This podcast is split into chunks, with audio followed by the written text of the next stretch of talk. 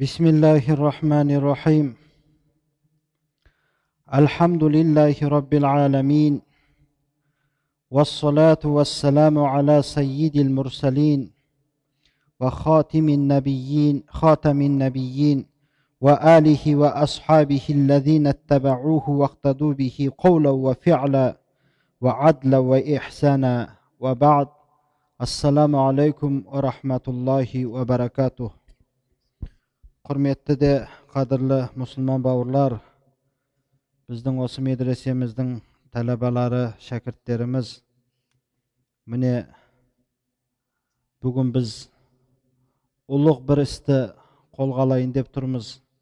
Ол да болса пайғамбарымыз саллаллаху алейхи уассаламмен бірге жүрген пайғамбарымыз саллаллаху алейхи уассаламның сахабаларының өмір тарихын бастайын деп тұрмыз. Осы кітапты бастаудан бұрын сахабалар деген кім? Осы кітап қандай мақсатта жазылды? Соған бір тоқтала кетсек. Жалпы бұл кітапты жазған кісі абдурахман рафатул баша деген кісі 1920 жылы сирияның солтүстік жағында ариха деген шаһарда туылған екен. Сол өзінің туылған ариха шаһарында ілім бастап кейіннен мысырға барып каирде магистр және докторлықты оқып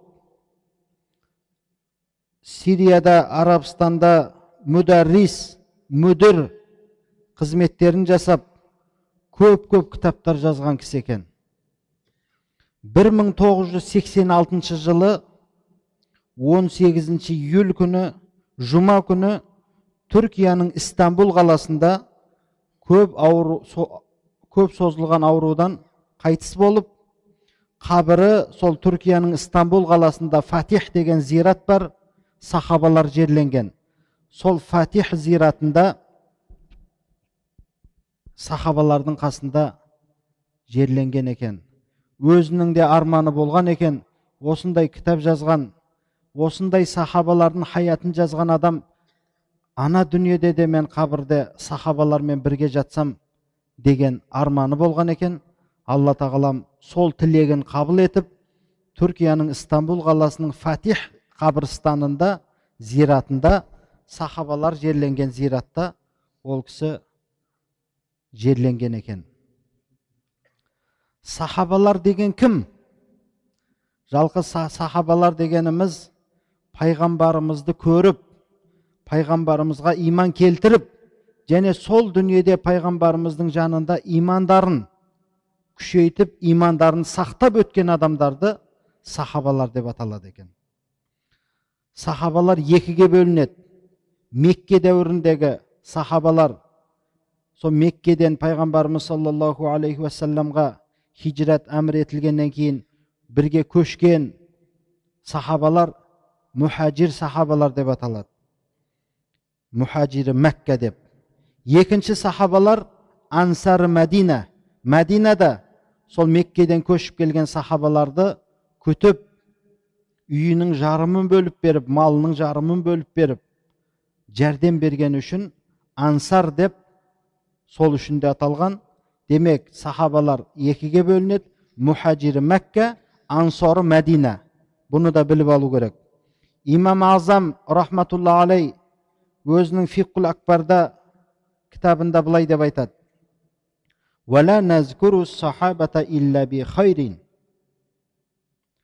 біз сахабаларды тек қана жақсылықпен ғана зікір қыламыз дейді демек сахабалар жөнінде дұрыс емес сөздерді де айтатын адамдардың болғаны ғой. Естеріңізде болса мен бір мысал келтірген едім. Мынау пайғамбарымыз саллаллаху алейхи уассаламның екі бірдей қызын алған зүн нурайн аталған хазіреті усман разиаллаху анху жөнінде бір адамдар ей ол усман яхуди болған деген де сөздерді айтқан ғой. Сонда имам азам рахматулла алей сол адамды шақырып алып оған сен неге олай айтасың демей ақ сенің бір бой жеткен қызың бар ғой соны пәленше деген яхудиге береміз.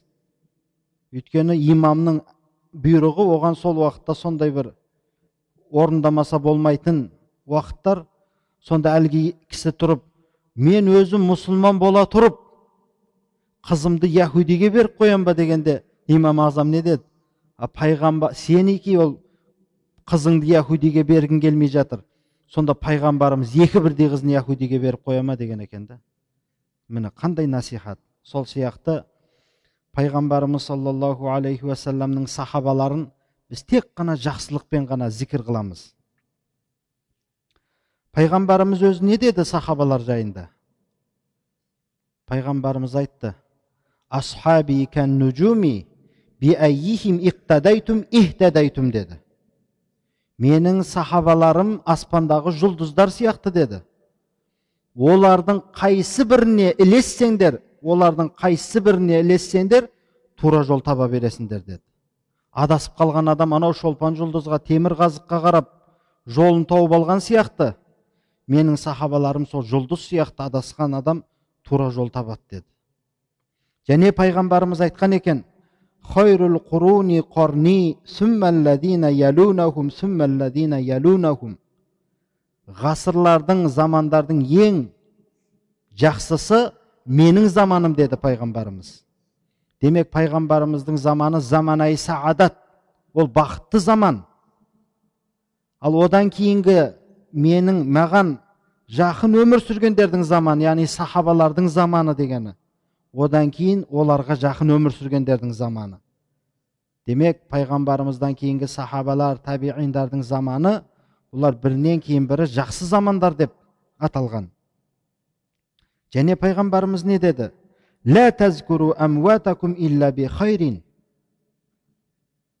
Өткендеріңізді тек қана жақсылықпен еске алыңыздар деді пайғамбарымыз. Жалпы қазақта да солай ғой өткен адамның артынан еш уақытта мынау адам былай емес еді. Жамандығын айтпайды ол адамның. Бұл пайғамбарымыз саллаллаху алейhi сахабаларға өткен сахабалар жөнінде еш уақытта жаман айтпаңдар деп бізге беріп кеткен әдебі. Және бір сөзінде егер менің сахабаларым жөнінде бір зікір қылынатын болса тілдеріңізді тыйыңыздар деді. Яғни жаман бір нәрсе айтып қоймаңыздар дегені ғой. Және айтқан сөзі бар екен пайғамбарымыздың лә тасуббу асхаби менің сахабаларымды сөкпеңдер деді пайғамбарымыз. Яғни менің сахабаларым жөнінде бір дұрыс емес сөз айтып қоймаңыздар. Жалпы осы сөздердің барлығына зер салып үңілетін болсақ пайғамбарымыз саллаллаху алейхи уассаламның сахабалары ол адамзаттың ең асылдары адамзаттың ең жақсылары болған пайғамбарымыз саллаллаху алейхи уасалам өзінің сахабаларына сондай баға беріп отыратын болса мына сіз бен бізге оларға тек қана құрмет көрсетуіміз керек екен мында осы кітапты жазған кісі былай деп дұға жасап кеткен екен мен соны оқып берейін бисмиллахи рахмани рахим аллахумма инни ахбабту сахабата набийика мухаммадин саллаллаху алейхи уасалама астақал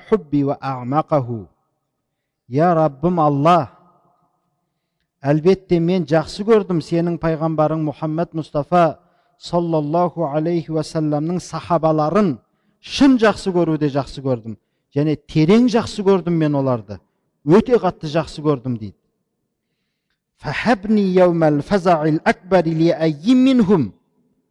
қиямет күні солардан қайсы біріне болсын мені хиба қылың дейді.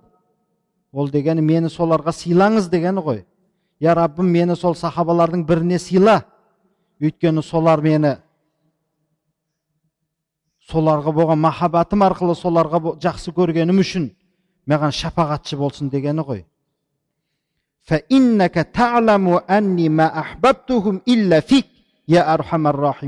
Я раббым сен білушісің білесің мен оларды тек қана сенің разылығың үшін жақсы көрдім. Ей рахымдылардың рахымдысы деп мына абдурахман рафатил баша солай дұға жасап кеткен екен.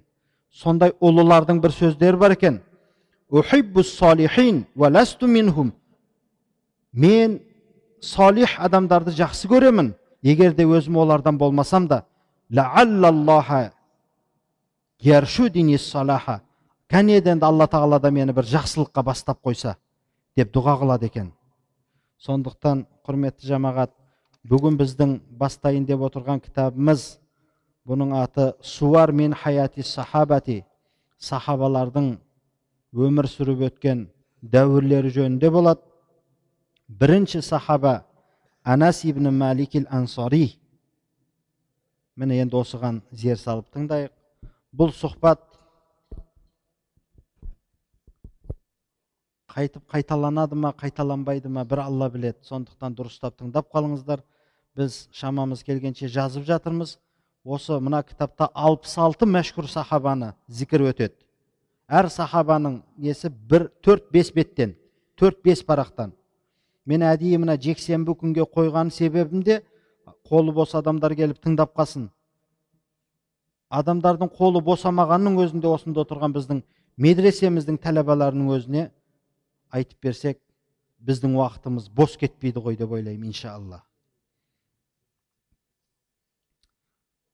Бұл анас ибн мәлик әл ансари мен қазір бірден бұл кісінің қанша жасағанын пайғамбарымыз саллаллаху алейхи уассаламның жанында неше жыл жүргенін айтпай ақ қояйын. Себебі қазір мына кітаптың оқу барысында ол келеді.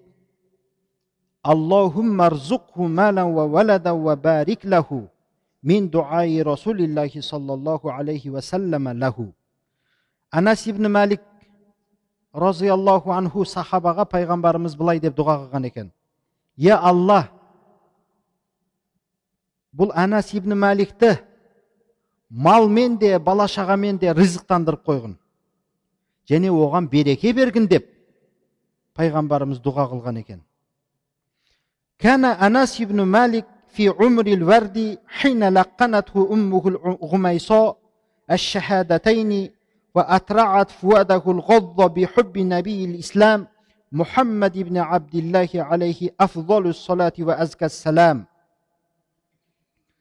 أنس بن مالك رضي الله عنه жас шағында ақ оның анасының аты ғұмайса екен ғұмайса анасы оған шахадатайнды үйретті Және оның қалыбын көркем жағымды қалыбын жүрегін ислам пайғамбары мұхаммад алейхиссаламның махаббатына толтырды. Жас шағында біздер балаларымызды қазір ненің махаббатымен толтырып жатырмыз? Түкке пайдасы жоқ мультфильмдер көрсетуіміз мүмкін. Түкке пайдасы жоқ басқа бір нәрселерді көрсетуіміз мүмкін. Басқа нәрселермен тәрбиеленіп жатқан болуы мүмкін. Міне анас ибн мәликтің анасы ғұмайса жас шағында баласының көркем бір жағымды таза пәк жүрегін пайғамбарымыз саллаллаху алейхи уассаламның махаббатымен толтыра бастады.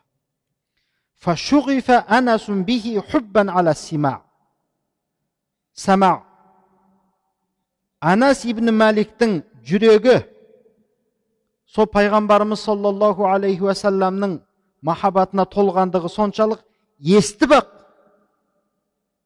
Пайғамбарымызды естіп ақ анас ибн мәлик сүйді. Пайғамбарымызға деген махаббаты соншалықты күшейді.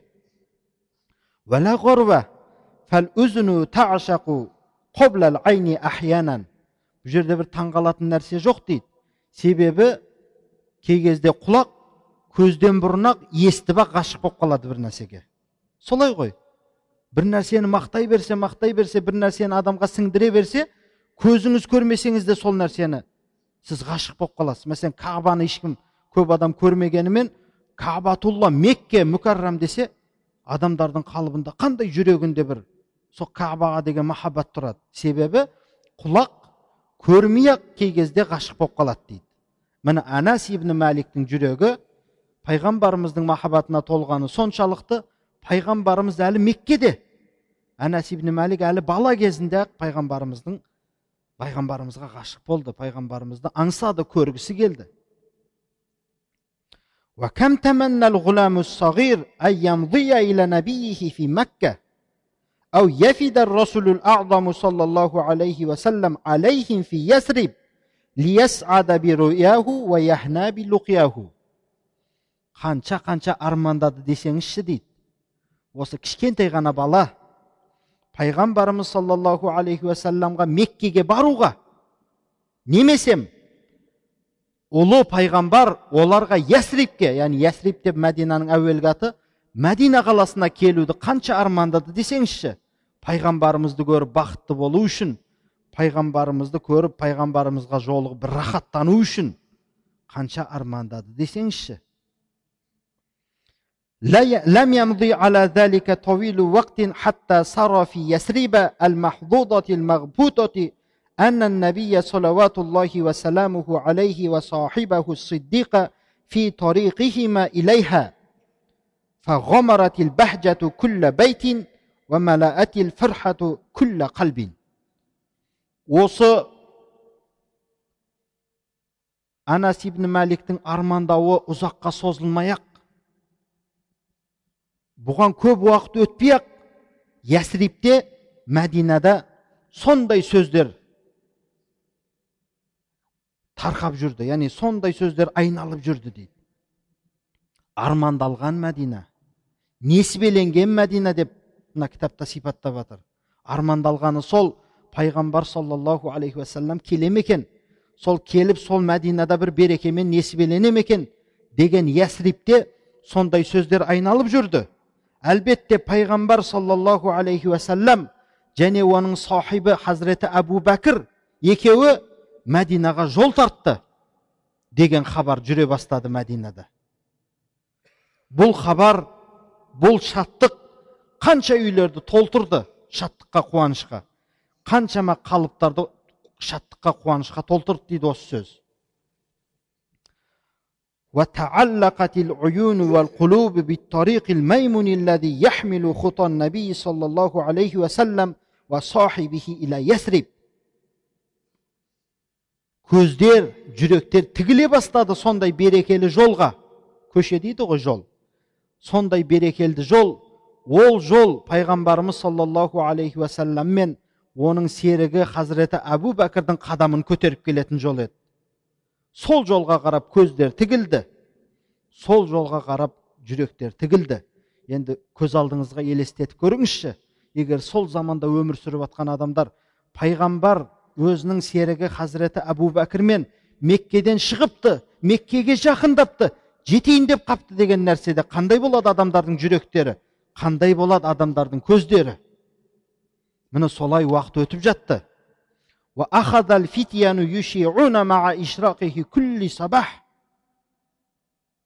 жас балалар күніге таң жарысып таң атқанда осы сөздерді тарқататын еді дейді әнна мұхаммадан деп әлбетте мұхаммад келіп қалды меккеге мұхаммед меккеге келіп қалды деген сөздерді тарқататын еді дейді жастар жүгіріп көшелерде өзіңіз көз алдыңызға елестетіп көріңіз адамдардың барында шауқ адамдардың бәрінде махаббат пайғамбарымызға деген а балалар жүгіріп жүр көшеде пайғамбар мұхаммед кеп қалды кеп қалды деп бірақ әлі келе қойған жоқ міне келтіріп жатыр соған жайлап сөзді فكان يسعى إليه أنس مع الساعين من الأولاد الصغار لكنه لا يرى شيئا فيعود كئيبا محزونا сол жүгіріп жүрген балалардың ішінде біздің айтып жатқан анас ибн мәлик қаһарманымыз да жүгіріп балалармен бірге көшеге пайғамбарымыз келе жатыр десе жүгіріп шығар еді бірақ еш нәрсе көрмейді қапаланып мұңды болып ол қайтар еді дейді үйіне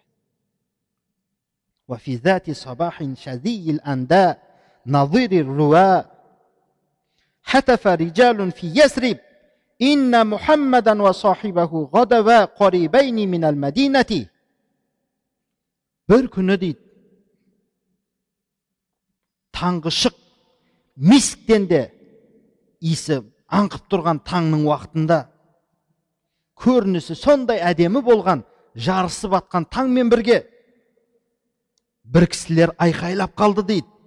Әлбетте мұхаммад және оның сахибі мединеге жақындап қалды деген сөз дауыстар айқайлап шығып қалды дейді فطفق الرجال يتجهون نحو الطريق الميمون الذي يحمل إليهم نبي الهدى والخير кісілер сол дауыстан берекелі пайғамбарымыз саллаллаху алейхи уассалам мен оның серігі хазіреті әбу бәкірді алып келе жатқан жолға қарай жүгірісіп хидаяттың және жақсылықтың пайғамбары келе жатқан жолға қарай жүгірісіп қалды ومضوا يتسابقون إليه جماعة جماعة تتخللهم أسراب من صغار الفتيان تزعرد على وجوههم فرحة تغمر قلوبهم الصغيرة وتطرع أفئدتهم الفتية адамдар бір бірімен жарысып жүріп кетер еді жамағат жамағат болып алып олардың араларында аламанның арасында кішкентай кішкентай балалар да шаңның арасында жүгіріп кетіп бара жатар еді олардың жүздерінде қуаныш кернеген олардың жүректерін кішкентай ғана жүректерін қуаныш көмкерген көміп тастаған және олардың жүректерін жап жас жүректерін сол қуаныш толтырып тұрған еді дейді сондай сәтті көз алдыңызға елестетіп көріңізші وكان في طليعة هؤلاء الصبية أنس بن مالك الأنصاري сол жүгіріп бара жатқан аламанның ішіндегі жас балалардың алдында әнәс ибн мәлик разиаллаху анху жүгіріп баратын еді дейді әлі он ақ жасар бала сол кезде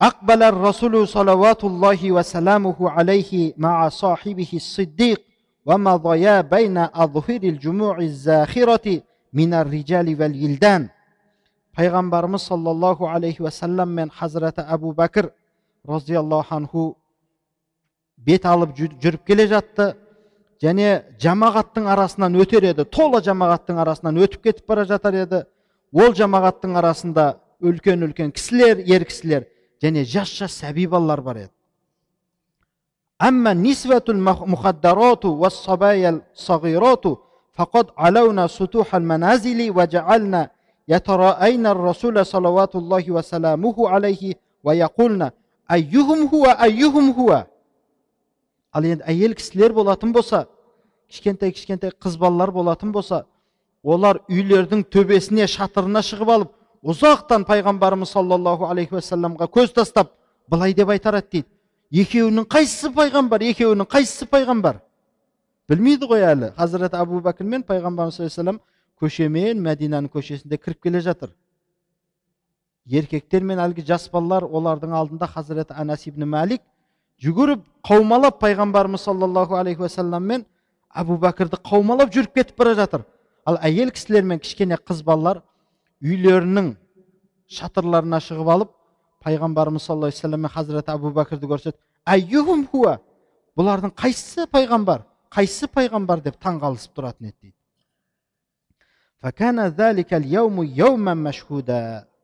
бұл күн естен кетпес күн болды дейді өзіңіздің астанаға келген күніңізді есеп есіңізге алып көріңізші бір қуанышты бір жағдайды есіңізге алып көріңізші ал пайғамбарымыздың меккеден мединеге келуі ал ол естен кететін жағдай емес қой ظل أنس بن مالك يذكره حتى نيف على المئة من عمره حضرت أنس بن مالك رضي الله عنه бұл сәтті үнемі есіне алып жүретін еді. Оның өмірі жүз жастан өткен деді дейді. Өзі жүз үш жыл өмір сүрген екен. Анау пайғамбар саллаллаху басындағы батасын көріңіз.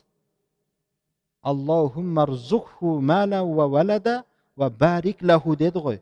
Алла бұған малдан да бала шағадан да өмірінен де жалпы бұған береке бер деген пайғамбарымыз саллаллаху алейhi дұғасы қабыл болып анас ибн мәлик пайғамбарымыз өмірден өткеннен кейін 83 жыл тағы да өмір сүрген екен 103 жасында дүниеден өтті қазір мен соңында айтып беремін қай жылы дүниеден өткенін ما كاد الرسول الكريم صلى الله عليه وسلم يستقر بالمدينة حتى جاءته الغميصاء بنت ملحان أم أنس وكان معها غلامها الصغير وهو يسعى بين يديها وزوابتاه تنوسان على жабинихи пайғамбарымыз саллаллаху алейхи уасалам мәдинаға әлі жайғасып орналасып болмай жатып ақ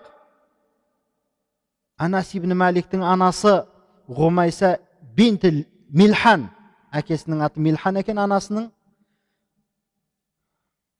өзінің кішкентай ғана балапанын жетектеп пайғамбарымыз саллаллаху алейхи уассаламның алдына келді сол кезде анас ибн мәлік анасының айналасында жүгіріп жүрген жас бала еді дейді кекілі желбіреп пешенесінде маңдайында кекілі желбіреп жүрген жап жас баланы жетелеп пайғамбарымыз саллаллаху алейхи уассаламның алдына келді анасы әлі пайғамбарымыз мединеге кіріп жайғасып болған жоқ былай деді ثم حيت النبي عليه الصلاة والسلام قالت يا رسول الله لم يبق رجل ولا امرأة من الأنصار إلا وقد أتحفك بتحفة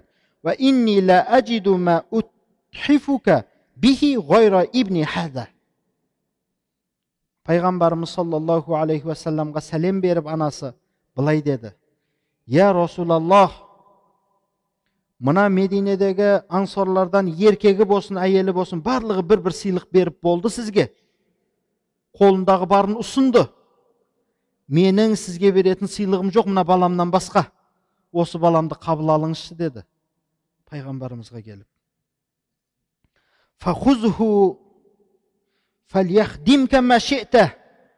мынаны алыңыз да қалағаныңызша қызмет қылдырыңызшы осы балама менің сізге жасаған сыйым осы болсын деді қараңызшы ана ана қандай ана өзінің кішкентай ғана баласын балапанын пайғамбарымызға беретін оның үйі жоқ еді жартысын бөліп беретін мал дүниесі жоқ еді қарады қызықты анау адамдардың бәрі пайғамбарымызға үйінің төбесін ұсынып жатыр ана. Әбу айюбил ансори жайлы айтқанбыз. Әлі келеді мына жақта ол кісінің де зікірі. Сонда ананың жүрегін қараңызшы өзінің баласын барып я расулаллах менің басқа беретін еш нәрсем жоқ мына баламды алыңызшы қалағаныңызша осы қызмет қылсыншы сізге деп барып тұрды ана ана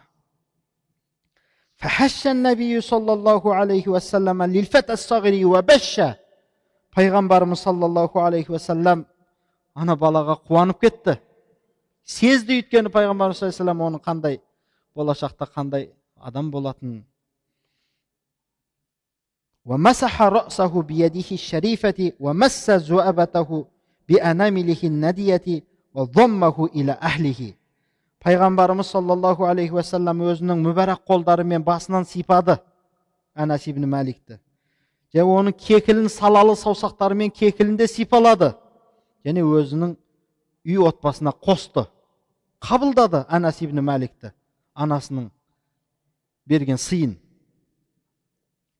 Кәна анас ибн мәлик әу үнәйс كما كانوا ينادونه تدليلا في العاشرة من عمره يوم سعد بخدمة النبي صلوات الله وسلامه عليه أنس ابن مالك пайғамбарымыз саллаллаху алейхи уассаламның әхлі үйіндегілер басқа да сахабалар пайғамбарымыз саллаллаху алейхи уассаламның қызметіне келген бақытты күнінен бастап ақ үнәйіс деп те атап кетті дейді үнәйіс дегені былайша айтқан уақытта бала десе ей балақай деп қоямыз ғой кішкентай адам кішірейтіп айтқанда андай еркелетіп балақай деп атап кетті дейді әнәс өзінің аты бірақ арабтарда үнәйіс деп келсе ол ей балаша ей кішкентай бала балақай дегені ғой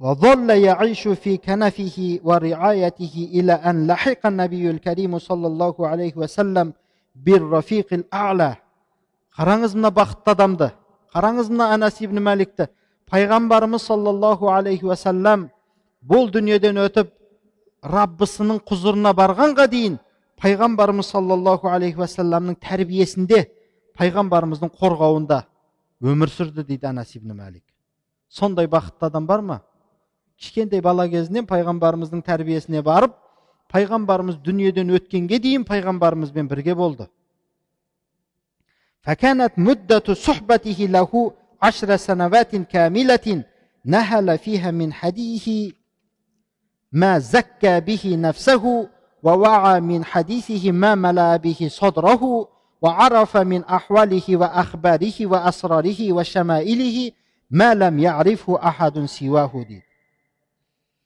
осы пайғамбарымыз саллаллаху алейхи уассаламға толық он жыл анас ибн мәлик серік болғалы бері пайғамбарымыз саллаллаху алейхи уассаламнан оның пайғамбарымыз саллаллаху алейхи уассаламның жүрген жолынан қанып ішті. Өзінің нәпсін пәктейтін дәрежеде. Және пайғамбарымыз саллаллаху алейхи уассаламның сөздерін жүрегіне сақтады. Жүрегін толтыратындай дәрежеде. Және пайғамбарымыз саллаллаху алейхи уассаламның ахуалын хабарын пайғамбарымыздың сырларын пайғамбарымыз саллаллаху алейхи уассаламның жақсы қасиеттерін ешкім білмейтін дәрежеде әнәс ибн мәлик білді дейді өйткені әрине қасында жүрсе өзінің бала шағасының қасына қойып қойып басынан сипап еркелетіп әрбір сөзінде ей балапаным ей балақай ей әнәс деп еркелетіп отырған адам бұл қандай болуы мүмкін وقد لقي أنس بن مالك من كريم معاملة النبي صلوات الله وسلامه عليه ما لم يظفر به ولد من والد қараңыз анас ибн мәлик разиаллаху анху пайғамбарымыз саллаллаху алейхи уассаламнан әке балаға жасаған мәміледен әлдеқайда артық мәмілені көрді дейді кей кезде біз қазір мына жағында келеді бала шағамыз кішкене бір қателік жасап қойса оған ашуланып ұрсып қоюымыз мүмкін қазір көресіз мына жерде пайғамбарымыз саллаллаху алейхи қандай мәміле жасайды анас ибн мәликке من نبيل شمائله وجليل خصائله ما تغبطه عليه الدنيا анас ибн мәлик пайғамбарымыздың керемет биік қасиеттерінен пайғамбарымыздың ұлық қасиеттерінен дүние қызығатындай дүние қызғанатындай дәрежеде сусындап дәмін татып қалды дейді فلنترك لأنس الحديث عن بعض السور والضاءة من هذه المعاملة الكريمة التي لقيها في رحاب النبي السمح الكريم صلى الله عليه وسلم فهو بها أدرى وعلى وصفها أقوى біз енді мынау мұсаннифтің ұсталығын қараңыз біз енді осынша сөзді айтып келдік анас ибн мәликтің пайғамбарымыз саллаллаху алейхи уассаламның қасына қалай барғандығын қалай күткендігін айтып келдік. Енді пайғамбарымыз саллаллаху алейхи уассаламның ауласында пайғамбарымыз саллаллаху алейхи уассаламның қасында жүріп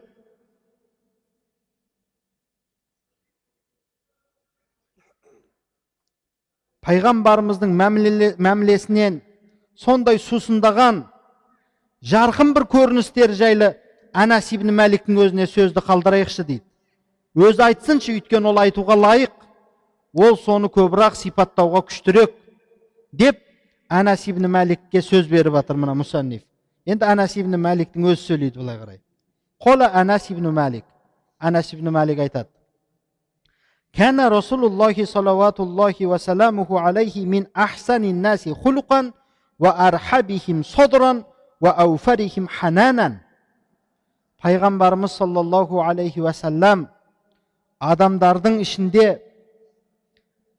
мінез құлқы жөнінен ең көркем еді көкірегі бауыры кең еді рахымды мейірімдірек еді адамдардың ішінде деп сөзін бастайды فقد أرسلني يوما لحاجة فخرجت وقصدت صبيانا يلعبون في السوق لألعب معهم ولم أذهب إلى ما أمرني به فلما صرت إليهم شعرت بإنسان يقف خلفي ويأخذ بثوبي пайғамбарымыз саллаллаху алейхи уассалам бір күні мені бір қажет үшін жөнетті дейді пайғамбарымыз мен шықтым сол бір қажетті өтеуге кетіп бара жатып анау базардың жанында көшеде ойнап жүрген жас сәбилерді көріп мен де ойнағым кеп қалды дейді әлі бала ғой ол он жасар пайғамбарымыз маған бұйырған маған тапсырған нәрсеге мен бармадым дейді ойнап қалдым ана балалармен бір уақытта сездім артымнан бір адам түртіп тұрғандай болды дейді және мен киімнен ұстағандай болды бір адам дейді فالتفت فإذا رسول الله صلى الله عليه وسلم يبتسم ويقول يا أنيس أذهبت حيث أمرتك мен жайлап бұрылып қарасам артында расулаллах саллаллаху алейхи уассалам тұр. Күліп тұр дейді жымиып. Айтып жатыр дейді ей үнәйіс ей балақай дегені ғой. Мен бұйырған нәрсеге бардың ба бармадың ба? деп. Наам мен сасып қалдым да иә бардым дей салдым дейді. Анас ибн мәлик өйткені пайғамбарымыз саллаллаху алейхи жұмсаған ісіне бармай артынан келіп пайғамбарымыз түртіп тұрса бұрылып сасып қалып иә бардым деп қойған да я расулаллах артынан өзін өзін тез жинап алып міне енді кетіп бара жатырмын я расулаллах деп айттым дейді. Валлахи лақад хадамтуху ашра синин фама қала ли шайин санатуху лима санатаху вала ли шайин тарактуху лима тарактаху анас ибн мәлик қасам ішіп айтып жатыр аллаға қасам мен пайғамбарымыз саллаллаху алейхи уассаламға толық он жыл қызмет қылдым бірер бір мәрте пайғамбарымыз бір мәрте айтқан емес қылмаған нәрсеме немеге қылмадың немесе ә, қылған нәрсеме неге бұны қылдың немесе қылмай қойған нәрсеме неге мынаны қылмадың деп айтпаған дейді пайғамбарымыз мейірімділігі кеңдігі соншалық пайғамбарымыз еш уақыт маған сондай ескерту де бермеген дейді وكان الرسول صلوات الله وسلامه عليه إذا نادى أنسا صغره تحببا وتدليلا فتارة يناديه يا أنيس وأخرى يا بني ана жерге кішкене тоқтала кетейікші шынында да біз өмірде бала шағамызға бір кішкене балалықпен бір істі қылып қоятын болса жер жебіріне жетіп ұрсып жататын жеріміз болып қалады немесе бір бұйырған ісімізді қылмай қалса ана баланы соншалықты еңсесін түсіретіндей қатты сөздер айтатын жағдайға барып қаламыз. Пайғамбарымыздың бал, өзінің баласындай болып кеткен қызметіндегі анасқа жасаған мәмілесінен біз иншалла үлгі аламыз ғой деп ойлаймын. Қылмаған нәрсеге неге қылмадың қылып қойған нәрсесіне неге бұны қылдың деп пайғамбарымыз өмірімде бір мәрте айтпады деп тұр ғой. пайғамбарымыз саллаллаху алейхи уассалам анасты еркелетіп жақсы көргендігі үшін унайс деп айтатын болса бір мәрте кей кезде я бунайя ей балапаным ей балам деп қояды екен وكان يغدق عليه من نصائحه ومواعظه ما ملا قلبه وملك لبه من ذلك قوله له يا بني إن قدرت أن تصبح وتمسي وليس في قلبك شيء ли фафал пайғамбарымыз саллаллаху алейхи уассалам өзінің керемет насихаттарын керемет уағыздарын мол қылып төгер еді анас ибн мәликке оның жүрегін толтырар еді уағызбен оның ақылын жақсы нәрселермен толтыратын еді сондай сөздерінің бірі анас ибн мәликке болған пайғамбарымыздың мына сөзі екен ей балапаным егер шаман келсе таң атқаннан кеш батқанға дейін сенің жүрегіңде бір адамға деген бір кек бір адамға деген бір кір бір адамға деген алдау сезімі болмайтын болса сен соны қылғын дейді екен да. Ол бәрімізге айтылған сөз болу керек. Ешбір адамға жүрегіңде бір кір болмасын сен соған шамаң жетсе соны қылғын дейді екен да анас ибн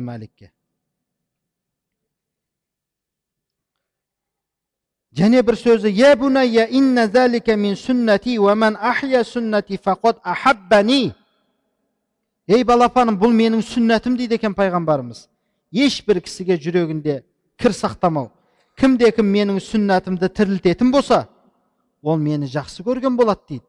А біз пайғамбарымыз саллаллаху алейхи уассаламды жақсы көруіміз е мен расулаллахты жақсы көремін деген тілмен ғана болмау керек. Құран кәрімде не дейді алла тағала?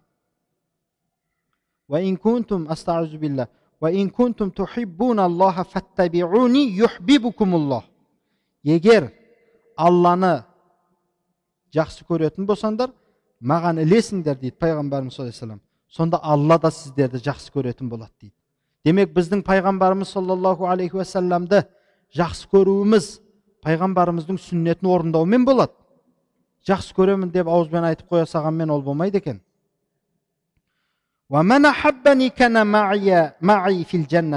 кімде кім мені жақсы көретін болса менімен бірге жәннатта болады дейді екен пайғамбарымыз يا بني إذا دخلت على أهلك فسلم يكن بركة عليك ва ала ахли байтика ей балапаным егер үйіңе шаңырағыңа кіретін болсаң сен үй әхіліңе сәлем беріп кіргін ассаламу алейкум деп сен үшін де үй отбасың үшін де осы нәрсе берекелді болады дейді а біз кіріп барғанда кей кезде ей тамақ дайын болды ма деп кіріп барады ғой кейбіреулер сол нәрсені де мына осы нәрседен кейін үнемі үйге кіргенде әдетке айналдыруымыз керек екен ассаламу алейкум деп үй отбасымызға сәлем беріп кіруді иншалла عاش أناس بن مالك بعد وفاة الرسول عليه الصلاة والسلام نيفا وثمانين عاما ملأ خلالها الصدور علما من علم الرسول الأعظم صلى الله عليه وسلم وأطرع فيها العقول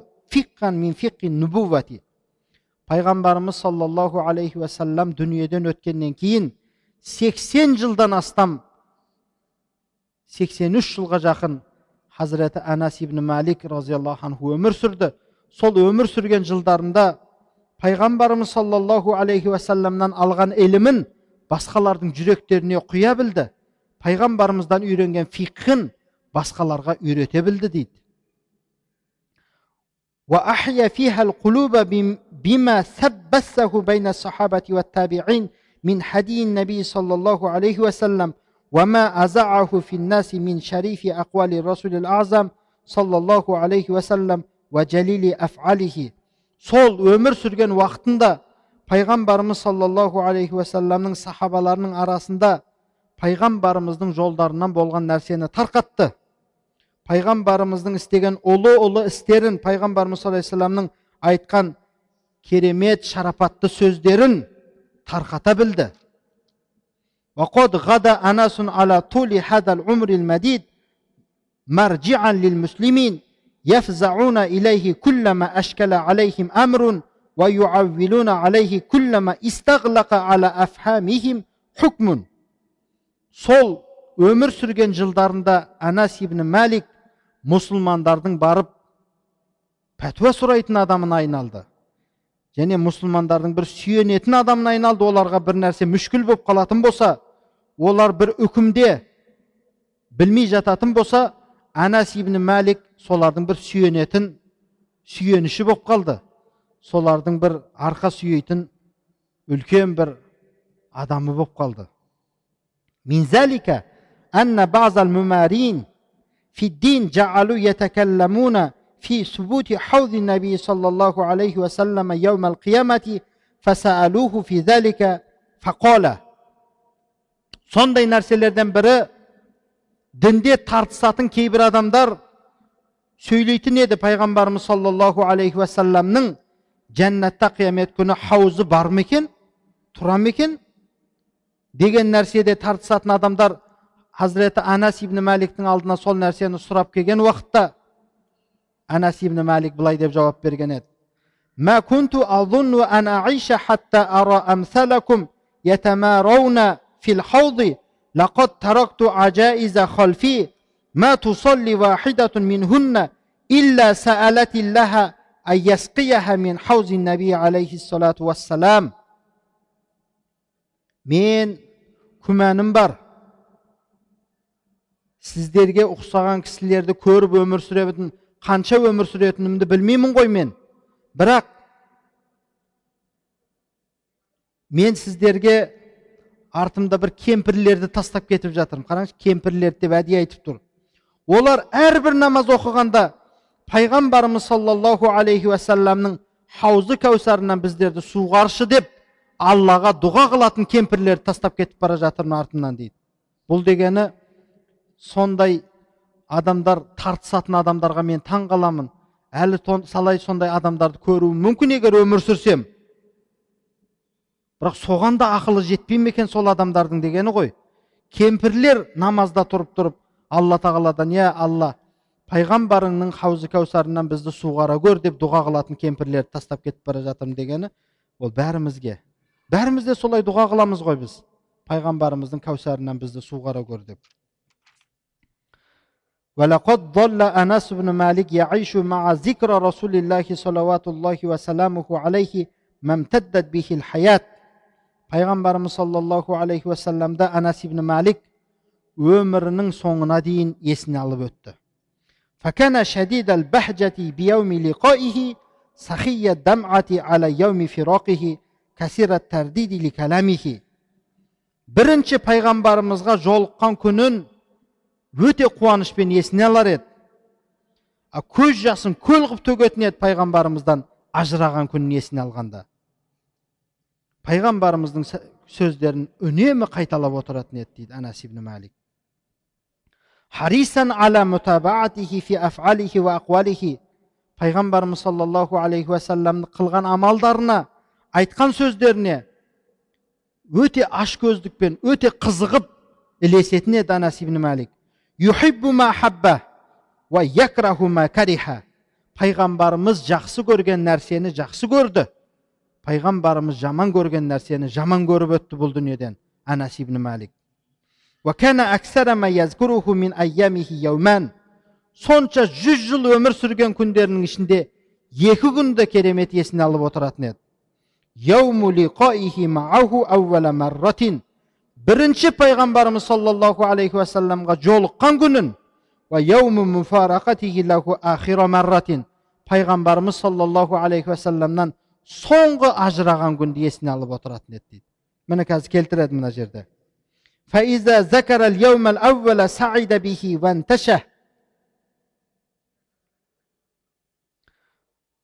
Пайғамбарымызбен жолыққан күнді есіне алған күні бақытты болып кетер еді қуаныштан уанташа дегені бір адам баласы бір керемет иісті иіскегенде рахаттанады ғой қалай мына жерде былай депті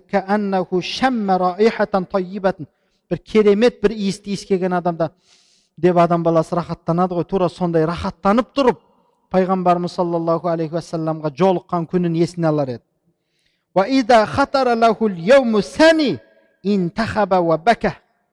Ал екінші күн өміріндегі есіне алатын болса жылап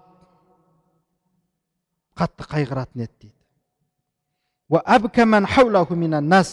Өзі ғана жылап қоймай қасындағыларды да жылататын еді дейді.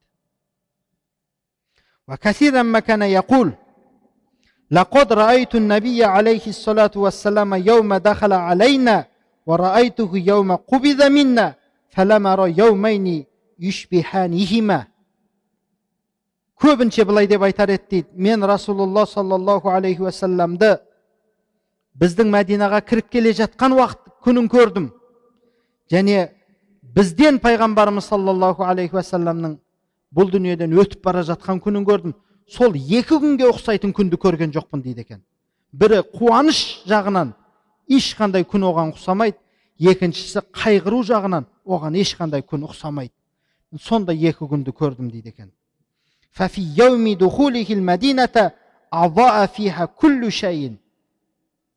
Пайғамбарымыз мәдинаға кіріп келген күні барлық нәрсе жарқырап кеткен еді. وفي اليوم الذي أوشك فيه أن يمضي إلى جوار ربه أظلم فيها كل شيء ал енді пайғамбарымыз саллаллаху алейхи уассалам өзінің раббысының құзырына кетіп бара жатқан күні мәдинадағы бүкіл нәрсе қараңғы болып кеткен еді зүлматқа оранған еді дейді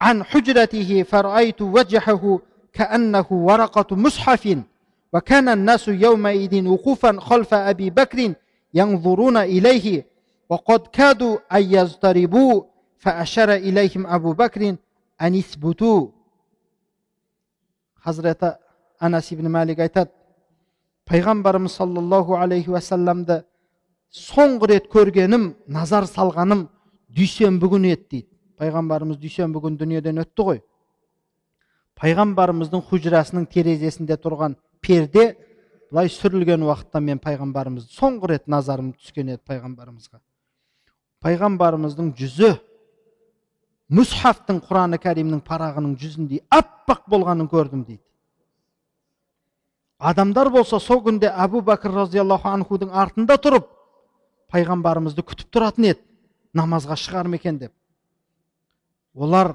сондай бір қиналып күйзелісте болған еді әбу бәкір разиаллаху анху тұрып тұрыңдар деп адамдарға сондай сабыр айтып тұратын еді ثم توفي الرسول عليه الصلاة والسلام في آخر ذلك اليوم فما نظرنا منظرا كان أعجب إلينا من وجهه صلى الله عليه وسلم حين واريناه ترابه сол күні дүйсенбі күнінің соңында пайғамбарымыз саллаллаху алейхи уассалам дүниеден өтті біз сондай бір керемет көріністі көрмедік пайғамбарымыз саллаллаху алейхи уассаламның қабіріне топырақ салған уақытта пайғамбарымызды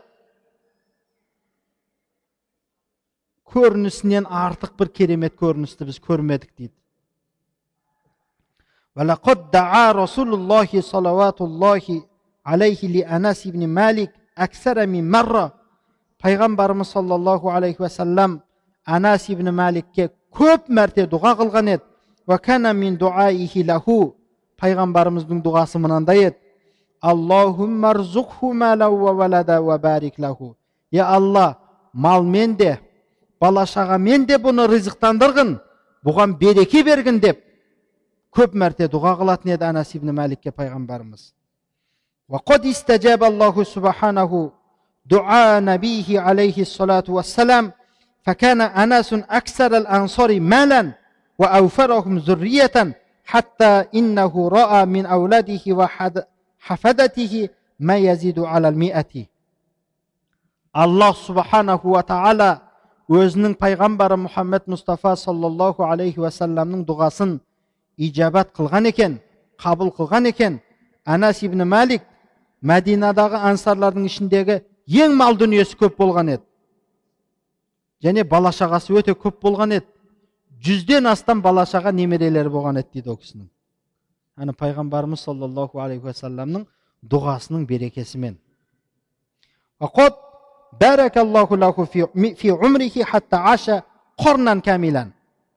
Алла тағала хазіреті анас ибн мәликке өмірінде де береке беріп қойды.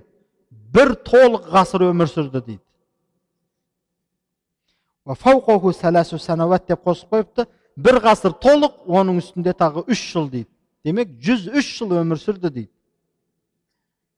وكان أناس رضوان الله عليه شديد الرجاء لشفاعة النبي صلى الله عليه وسلم له يوم القيامة فكثيرا ما كان يقول إني لأرجو أن ألقى رسول الله صلى الله عليه وسلم في يوم القيامة فأقول له анас розиаллаху анху өте қатты үміт ететін еді қиямет күні пайғамбарымыз саллаллаху алейхи уассаламның шапағатын.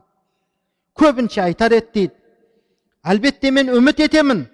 Пайғамбарым саллаллаху алейхи уассаламға қиямет күні жолығып тұрып фаақулалаху мен айтсам ғой пайғамбарымызға я расулаллах хаза деп. Мен пайғамбарымызға жолығып тұрып я расулаллах мына сенің балапаның әнәс қой деп айтсам ғой деп. үміт етер едім деп айтқан екен анас ибн мәлик разиаллаху анху ولما مرض أنس بن مالك مرض الموت قال لأهله لقنوني لا إله إلا الله محمد رسول الله анас ибн мәлик разиаллаху анху өлім халінде жатқан уақытта өзінің әһліне айтқан екен маған лә илаха иллалла мұхаммад расулулла кәлимасын талқин қылып тұрыңдар айтып тұрыңдар summa zolla yaquluha hatta mata. Sol kalimani aytib jatib dunyodan o'tib ketdi deydi anas ibn malik. وقد أوصى بعصية بعصية صغيرة كانت لرسول الله صلى الله عليه وسلم بأن تدفن معه فوزعت بين جنبه وقميصه ya'ni payg'ambarimiz sollallohu alayhi vasallamdan qolgan kichkintaygina bir tayoqchasi bo'ladi ekan. Soni birga ko'muvdi vasiyat qilgan ekan anas ibn malik. оны анас ибн мәликтің денесі мен кебіні яғни қамисінің арасына қойып қойған екен көмген кезде. Ли анас ибн мәлик ансари алама хайрин. Мүбәрак болсын. Қандай бақыт дейді анас ибн мәликке ансариға алла тағала оған сондай жақсылықты төккен ауызбен айтып қазір ғой біз ауызбен айтып жатырмыз өзі бұл ауызбен айтып жеткізетін жақсылық емес пайғамбарымыз саллаллаху алейхи уассаламдай адамға пайғамбарымыздай затқа кішкентай он жасынан бірге тұру бірге жүру пайғамбарымыздың насихаттарымен сусындап өсу ол қандай мүбәрак ол қандай бақыттылық дейді فقد عاش في كنف الرسول الأعظم صلى الله عليه وسلم عشر سنوات كاملة толық он жыл пайғамбарымыз саллаллаху алейхи уассаламның тәрбиесінде болды وكانت وكان ثالث اثنين في رواية حديثه هما أبو هريرة وعبد الله بن عمر үшінші адам болған екен пайғамбарымыз саллаллаху алейхи уассаламнан ең көп хадис риуаят еткен бірінші әбу хурайра екінші абдуллах ибн умар хазірет омардың баласы үшінші анас ибн мәлик міне тарихтан біліп жүрейік осыны ең көп хадис риуаят қылған сахабалардың үшіншісі екен анас ибн мәлик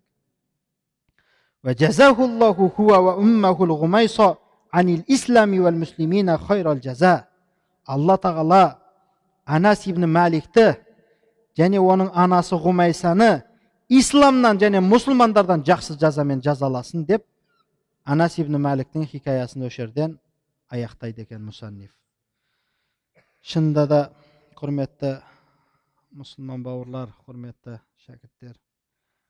Бұндай сахабалардың өмір тарихын оқып тұрып адам баласының тебіренбеуі мүмкін емес.